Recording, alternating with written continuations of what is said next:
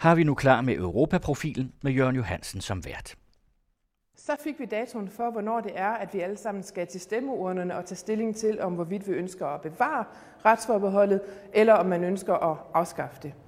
I Liberale Alliance der anbefaler vi, at man stemmer nej til at afskaffe øh, retsforbeholdet, og det gør vi ud fra den helt overordnede betragtning, at vi synes, at dansk retspolitik skal føres af folkevalgte her på Christiansborg og ikke fra Bruxelles.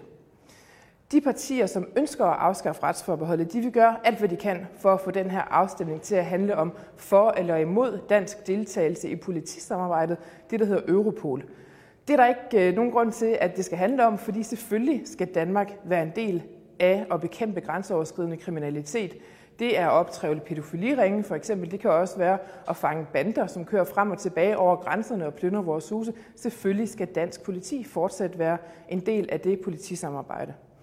Jeg glæder mig rigtig meget til debatten, ikke kun med kollegerne herinde på Christiansborg, men også med dig derude rundt omkring i forskellige forer. Jeg glæder mig til en rigtig god debat om det her emne. Velkommen til Europaprofilen, der i efterårets programmer først og fremmest fokuserer på temaerne folkeafstemningen om retsforbeholdet og EU's vækststrategi 2020. Europaprofilen produceres med støtte fra Europanævnet. Mit navn er Jørgen Johansen. I dag er det retsforbeholdet, der er på programmet. Som de fleste nok husker, skal vi til stemmeurnerne den 3. december og tage stilling til det såkaldte retsforbehold. På et pressemøde 17. september bekræftede Lars Løkke Rasmussen sin kovending, sådan er den kaldt, og siden har samtlige ni partier i Folketinget Både de seks partier, som anbefaler et ja ved folkeafstemningen 3. december, og de tre nej-partier i et lidt varieret sprog talt om nødvendigheden af en europæisk løsning med vægt på frivillighedsprincippet. For selvom nogle af de mest europæisk sindede partier måske og dybest set kunne tænke sig en kvoteordning, er de bundet af folkeafstemningen om retsforbeholdet. Ja, partierne har i deres kampagne af frygt for vælgernes skepsis over for bindende EU-aftaler lagt vægt på, at de 18 retsakter om fælles europæisk flygtninge- og asylpolitik ikke indgår i afstemningen. Og nej-partierne argumenterer med, at et ja til Europol og afstemningens øvrige emner kan føre landet ud på en glidebane hen mod EU's tvungne kvoteordning. Du kan om lidt høre kommentarerne, retsforbeholdets paradoxer og en umage alliance, nej, en gammel kending. Indimellem et fyldigt uddrag af statsminister Lars Løkke Rasmussens tale ved Folketingets åbning.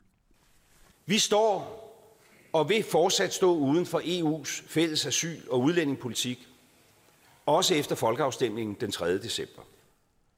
Og nu til retsforbeholdets paradoxer. Flygtningestrømmene fra især Syrien til Europa har vendt op og ned på både ja-sidens og nej-sidens ageren op til folkeafstemningen om retsforbeholdet den 3. december. Ja-siden fremhæver igen og igen i sin kampagne, at de 18 retsakter om fælles europæisk flygtninge- og asylpolitik ikke omfattes af afstemningen. Danmark vil fortsat stå udenfor. Nej-siden advarer om, at et ja vil være glidebanen hen imod et forpligtende europæisk flygtningesamarbejde. Men med få variationer gentager begge parter, at kun fælles europæiske løsninger kan dæmme op for tilstrømningen og skabe en mere retfærdig fordeling af flygtningene. På frivillig basis forstås. Ove Weiss analyserer retsforbeholdets paradoxer. I ugerne op til 18. juni-valget varslede Lars Løkke Rasmussen, som han udtrykte det, en straks opbremsning af asylansøgere, og som ny statsminister brugte han 9. august disse 18 ord til at understrege alvoren. Citat. Vi skal bevæge os den vej, og kald os en fiasko, hvis vi ikke bevæger os den vej. I ugerne efter begyndte tusinder af flygtninge fra især krigsplaget Syrien at strømme ind over landets grænser. Og selvom Danmark nærmest blev transitland for videre flugt til det ellers i regeringskredse, så forkædrede Sverige, fastholdt integrations- og udlændingeminister Inger Støjberg 11. september at, citat, vi vil tage nul flygtninge. Fire dage forinden, den 7. september, havde hendes chef i statsministeriet ellers på embedets første internationale møde hos kansler Angela Merkel i Berlin lovet at tage imod 100 flygtninge fra Tyskland. Divergensen mellem statsministeren og hans fagminister skabte uro internt i Venstre, og 14. september mødtes fire centrale ministre, foruden statsministeren, finansminister Jort Frederiksen, udenrigsminister Christian Jensen og Inger Støjberg. Og her blev det besluttet at modtage et ikke nærmere fastsat antal flygtninge. Uoverensstemmelsen mellem Løkke Rasmussens løfte i Berlin og, lad os kalde den, Støjbergs nulløsning, blev dagen efter forklaret med, at statsministeren havde talt om en frivillig ordning, mens Støjbergs nej galt EU's tvungne kvoteordning. Dagen efter igen, den 16. september, mødtes regeringens magtfulde koordinationsudvalg i egetræsværelse i statsministeriet, og her blev det besluttet at tilbyde EU, at Danmark frivilligt modtager 1000 asylansøgere fordelt over 2016 og 2017, med understregning af, at antallet rækker ud over de flygtninge, som under flugten måtte søge asyl i Danmark. På et pressemøde 17. september bekræftede Lars Løkke Rasmussen sin kovending, sådan er den kaldt, og siden har samtlige ni partier i Folketinget, både de seks partier, som anbefaler et ja ved folkeafstemningen 3. december, og de tre nej-partier i et lidt varieret sprog talt om nødvendigheden af en europæisk løsning med vægt på frivillighedsprincippet. For selvom nogle af de mest europæisk sindede partier måske og dybest set kunne tænke sig en kvoteordning, er de bundet af folkeafstemningen om retsforbeholdet. Ja, partierne har i deres kampagne af frygt for vælgernes skepsis over for bindende EU-aftaler lagt vægt på, at de 18 retsakter om fælles europæisk flygtninge- og asylpolitik ikke indgår i afstemningen. Og nej-partierne argumenterer med, at et ja til Europol og afstemningens øvrige emner kan føre landet ud på en glidebane hen mod EU's tvungne kvoteordning. For at trække det kort ud af hænderne på nej-siden, garanterede statsministeren i sin åbningstale i oktober, at der ikke bliver nogen ny asylpolitik uden forudgående folkeafstemning. På ja-siden er paradokset tydeligst hos radikale venstre, hvis inderste tilbøjeligheder formentlig udtrykkes af partiets medlem af EU-parlamentet, Morten Helve. Han sidder i parlamentets liberale gruppe, Alte hedder den, og han siger citat. Diskussionen om et fælles asylsystem herunder diskussionen om kvoter trænger sig mere og mere på i mangel af bedre løsninger. Og så henviser han til den liberale gruppe, som netop har anbefalet en fælles europæisk politik på flygtninge- og asylområdet. Det udstiller endnu et paradoks, for med i den liberale gruppe Alte er også de to venstrefolk Jens Rode og Ulla Tørnes, hvis gruppe i parlamentet altså siger ja til kvoter, mens deres parti derhjemme siger nej. Det skisma forklarer Tørnes på følgende diplomatiske måde, citat, så længe vi ikke er en del af det, skal vi ikke bestemme, hvordan de andre skal indrette sig. Også Socialdemokratiet er i et dilemma, ikke mindst da en ny meningsmåling foretaget af Voxmeter for Ritzau i efteråret viste, at 78 procent af danskerne går ind for EU-fordeling af flygtninge, med en endnu større majoritet blandt socialdemokratiske vælgere. Også her illustreres kløften mellem Bruxelles og Christiansborg af det socialdemokratiske parlamentsmedlem Jeppe Kofod, som blandt andet siger, citat, Der er en række øst- og sydeuropæiske lande, som springer over og ikke tager deres andel af asylansøgere. Det synes jeg er et problem. Citat slut. Men så for ikke at skabe uklarhed inden 3. december afstemningen tilføjer han, at Danmark med sin egen nationale politik fuldt ud lever op til sit sociale ansvar. Men også på nej-siden blomstrer paradoxerne. Enhedslisten, der som del af folkebevægelsen mod EU ønsker Danmark udmeldt af unionen, og som i sin kampagne før folkeafstemningen som nævnt advarer mod glidebanen hen imod fælles flygtning- og asylpolitik, taler pludselig også om den nødvendige fælles løsning.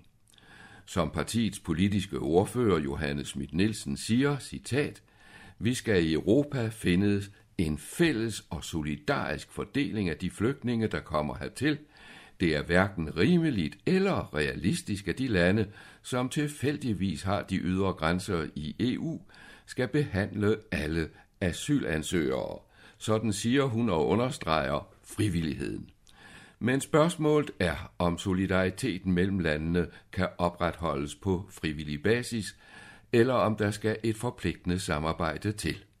Svaret blev givet, da et flertal af de EU-lande, som er med i den fælles flygtninge- og asylpolitik, tvang fire mildt sagt vrangvillige lande anført af Ungarn til at bøje sig for fællesskabet. Partiets retspolitiske ordfører Pernille Skipper, som på EL-årsmødet for nylig overtog den mest attraktive valgkreds efter Schmidt Nielsen, der ikke genopstiller på grund af rotationsprincippet, er enig. Skipper ventes at blive partiets frontfigur efter næste valg og forklarer den tilsyneladende modsætning i partiets argumentation med disse ord citat. Det danske retsforbehold forhindrer ikke Danmark i at deltage i en fælles europæisk løsning. Det forhindrer ikke, at Danmark tager et ansvar eller endda går forrest sammen med Tyskland og Sverige. Det gør kun manglende politisk vilje. Det største nej-parti, landets næststørste Dansk Folkeparti, har ligeledes svært ved at finde en grimasse. Og her tænkes ikke på den nye biografi om Dansk Folkepartis formand, Christian Thulesen Dahl, skrevet af professor Peter Nedergaard fra Københavns Universitet. Her henvises til, at Thulesen Dahl som daværende formand for Fremskridtspartiets Ungdom proklamerede, vi skal være klart liberale, og med kampagnen Åbne grænser krævede, citat, alle skal kunne rejse og bosætte sig frit overalt i verden. Nej, efter at partiet vedvarende har krævet bum for asylansøgere ved grænseovergangene, meddelte DF's udenrigsordfører Søren Espersen pludselig, at hans parti nu er klar til at modtage 10.000 vis af flygtninge i lejre. Og den udlændingepolitiske ordfører Martin Henriksen supplerede med, at den løsning galt uanset om de fremmedes ophold varer i 5, 10 eller 15 år. DF's udmelding kom som svar på Lars Løkke Rasmussens advarsel mod at isolere landet bag lukkede grænser. Med 7.000 km kyststrækning vil Danmark blive en magnet for folk på flugt, uden tilbagesendelsesmulighed, fordi landet dermed bryder europæiske aftaler. Som en joke foreslog hans justitsminister Søren Pind at tilbyde Dansk Folkeparti fire prøvedage i efterårsferien med grænsebomme og paskontrol. Hvis man lukker porten til Skandinavien, sagde han, skal der ikke meget fantasi til at forestille sig, hvad sådan en grænsekontrol medfører, ud over at vi udelukkes af Schengen-aftalen og påfører eksporterhvervene svære tab. Står flygtningene over for en lukket grænse, kan de ikke, som mange gør i dag, rejse videre til Sverige, Norge og Finland.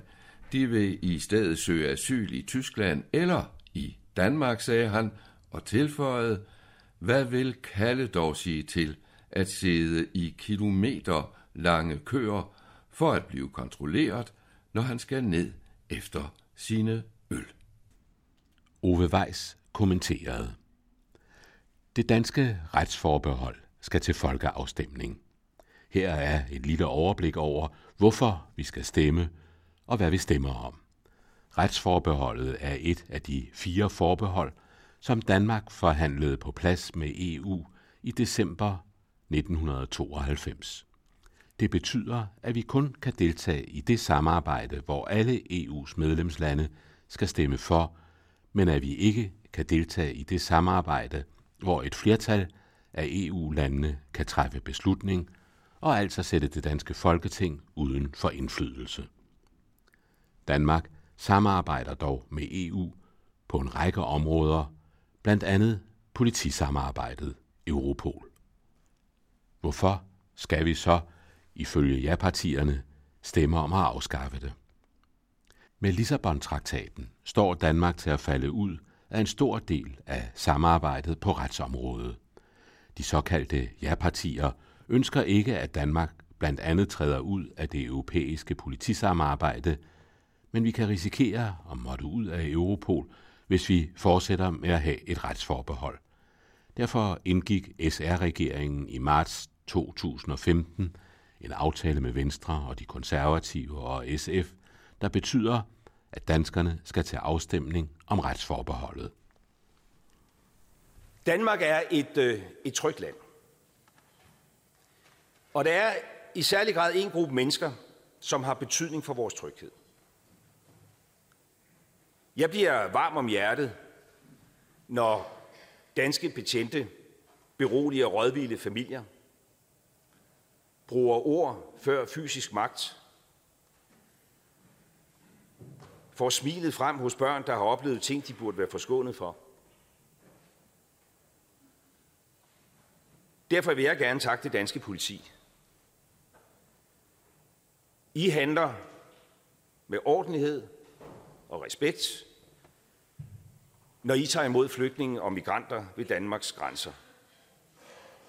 Og jeg er taknemmelig for den professionelle indsats, I ydede under og efter terrorangrebet i København. Alle ved, at politiet er presset. Et bredt flertal i Folketinget har sikret en ekstra bevilling i år. Det gjorde vi før valget. Og vi har afsat midler til at fjerne den store pukkel af overarbejde. Det gjorde vi efter valget. I efteråret skal vi så indgå en politisk aftale om politiets vilkår i de kommende år. Regeringen ønsker et stærkt og synligt politi i hele landet. De skal have de redskaber og ressourcer, de har brug for. Og vi vil også sikre, at politiet kan samarbejde effektivt med kolleger i andre lande. Det er derfor, at danskerne den 3. december skal stemme om at omdanne retsforbeholdet til en tilvalgsordning.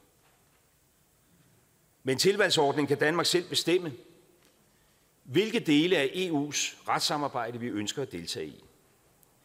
Det betyder mere og ikke mindre selvbestemmelse i Danmark. Men tilvalgsordning skaber vi sikkerhed for, at Danmark kan forblive et fuldt og helt medlem af det europæiske politisamarbejde Europol. Det er helt afgørende for at fange og straffe menneskehandlere, narkohandlere, tyvebander og andre kriminelle, der opererer over grænserne. Og politisamarbejdet beviser også sin værd i den helt aktuelle situation med mange flygtninge og migranter. Europol sikrer efterretninger om presset på Danmarks og Europas grænser. De gør en indsats for at bekæmpe menneskesmugler. De er et vigtigt led i bestræbelserne på at få styr på tilstrømningen. Et ja den 3. december er et ja til, at Danmark kan forblive det europæiske politisamarbejde. Et ja den 3. december er ikke en glidebane for dansk deltagelse i EU-samarbejde om asyl og indvandring. Det fremgår krystalklart af den brede Europol-aftale, at dansk udlændingepolitik fortsat skal fastlægges i Danmark. Det gælder også efter et ja til tilvalgsordningen. Og derfor vil jeg gerne opfordre alle partier til, at vi i efterårets debat diskuterer det, som afstemningen den 3. december handler om, og ikke det, den ikke handler om. Den handler ikke om fælles udlænding eller asylpolitik. Her står Danmark udenfor. Det skal vi fortsat gøre. Vi bestemmer selv vores udlændingepolitik. Det burde egentlig være, en, det burde egentlig være enkelt nok. Ja-partierne bag Europol-aftalen har givet hinanden gensidig vetoret på den del. Alligevel virker det måske lidt som om, at nogen forsøger at tegne et fejlagtigt billede af, at vi er på vej ned ad en glidebane. Det er vi ikke. Men for at mane enhver tvivl i jorden, vil jeg i dag gerne understrege, at hvis et flertal i Folketinget på noget tidspunkt måtte ønske, at Danmark skal deltage i den fælles europæiske asylpolitik, så er min holdning helt klar. Vi hæver ikke vores veto uden at spørge danskerne ved en ny folkeafstemning. Det vil jeg gerne garantere her i dag. Du hørte statsminister Lars Løkke Rasmussen. En umage alliance? Nej, en gammel kending. Fire partier fra det yderste venstre til det yderste højre er gået sammen i en alliance for at sikre et nej ved folkeafstemningen om retsforbeholdet 3. december. Men da de frygter, at befolkningen stemmer ja, fordi flertallet vil fastholde det europæiske politisamarbejde, åbner de fire for en ny, hurtig afstemning alene om Danmarks fortsatte medlemskab af Europol. Ja-partierne kalder det en afledningsmanøvre og gold taktik, et bevis på, at nej-partierne er gået i panik.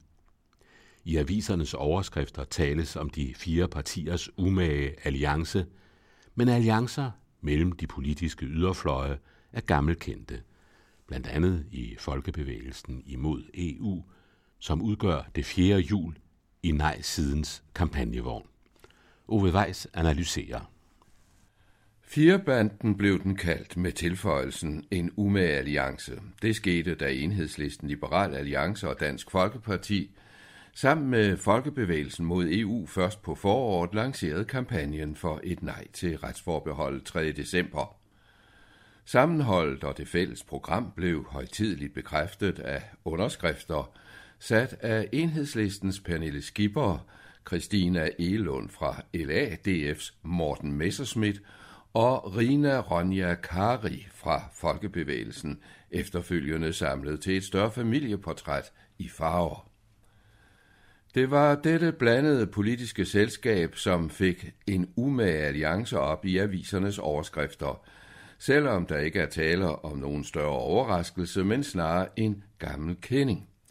Alliancen har i overvis eksisteret hos det 4. juli i kampagnevognen, Folkebevægelsen mod EU, som spænder fra det yderste venstre til det ultra-højre radikale nationalistiske repræsenteret af blandt andet Dansk Samling.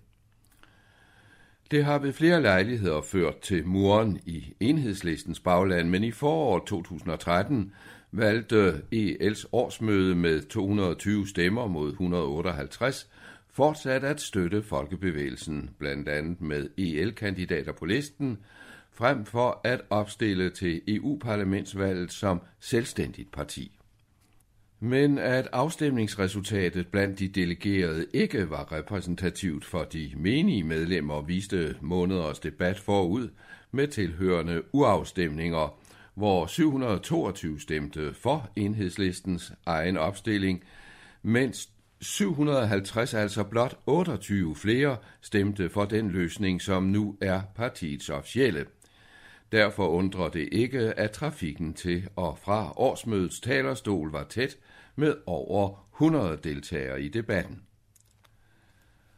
Der var og er to grunde til, at spørgsmålet om EU-fusionen med folkebevægelsen skaber, om man så må sige, kontrolleret splittelse i enhedslisten. På årsmødet i 2013, midt i centrum-venstre-regeringens periode, var EL meget forståeligt selvbevidst med udsigt til en mandatgevinst på 8, helt op til en snes mandater. Ved valget blev udsigten noget skyet, blandt andet på grund af tab til Alternativet, som i dag sammen med fem andre partier anbefaler, et ja, enhedslistens fremgang blev beskedende to mandater fra 12 til 14. Men først og fremmest skyldes uviljen hos mange enhedslistefolk mod folkebevægelsen mod EU, at EL dermed kommer i højere selskab med blandt andet Dansk Samling, som er repræsenteret på Folkebevægelsens liste til EU-parlamentsvalget. Dansk Samling blev stiftet midt i 1930'erne og havde en glorværdig tid i modstandsbevægelsen under besættelsen. Partiet afviste både nazismen og kommunismen og liberalismen og socialismen, men placerede sig ikke midt imellem partiet valgte, som det hed, det tredje standpunkt, byggende på blandt andet kristendommen og med et socialt sigte. Blandt stifterne var Arne Sørensen, som i en periode havde været underviser på Arbejderhøjskolen i Esbjerg, og efter krigen blev medlem af befrielsesregeringen som kirkeminister. Dermed løb tiden også reelt ud for Dansk Samling, som siden periodevis er genopstået som en ekstrem gruppe, i øjeblikket med en blogger på Jyllandsposten som formand. Hans mål er at placere partiet, som ikke har kunnet skaffe underskrifter nok til folketingsopstilling, til højre for Dansk Folkeparti. I foråret skabte han en vis opsigt, da han i DR2's Deadline svarede på spørgsmålet, om der er genetiske forklaringer på, at muslimer efter hans opfattelse ikke kan integreres i samfundet. Svaret lød citat, der er en mulig genetisk forklaring på relative forskelle imellem befolkningsgrupper. Bortset fra et enkelt byrådsmedlem, som i en jysk købstad er løbet over til Dansk Samling fra en anden byrådsgruppe, er partiet ikke repræsenteret i nogen folkevalgt forsamling, altså ud over folkebevægelsen mod EU, og det er den sammenhæng, som dele af enhedslisten ikke bryder sig om. Men hvad er det så, de fire nej-organisationer er blevet enige om i den gensidige håndfæstning? Jo, de fire er ganske vist indbyrdes uenige om, hvorvidt Danmark fortsat skal være med i Europol, altså politisamarbejdet på tværs af grænserne, som i realiteten er folkeafstemningens hovedemne. Men i alliancen samler de sig nu om en aftale, der blandt andet indebærer, at danskerne i tilfælde af et nej i december alligevel skal have mulighed for ved en ny og hurtig folkeafstemning at stemme landet ind i Europol.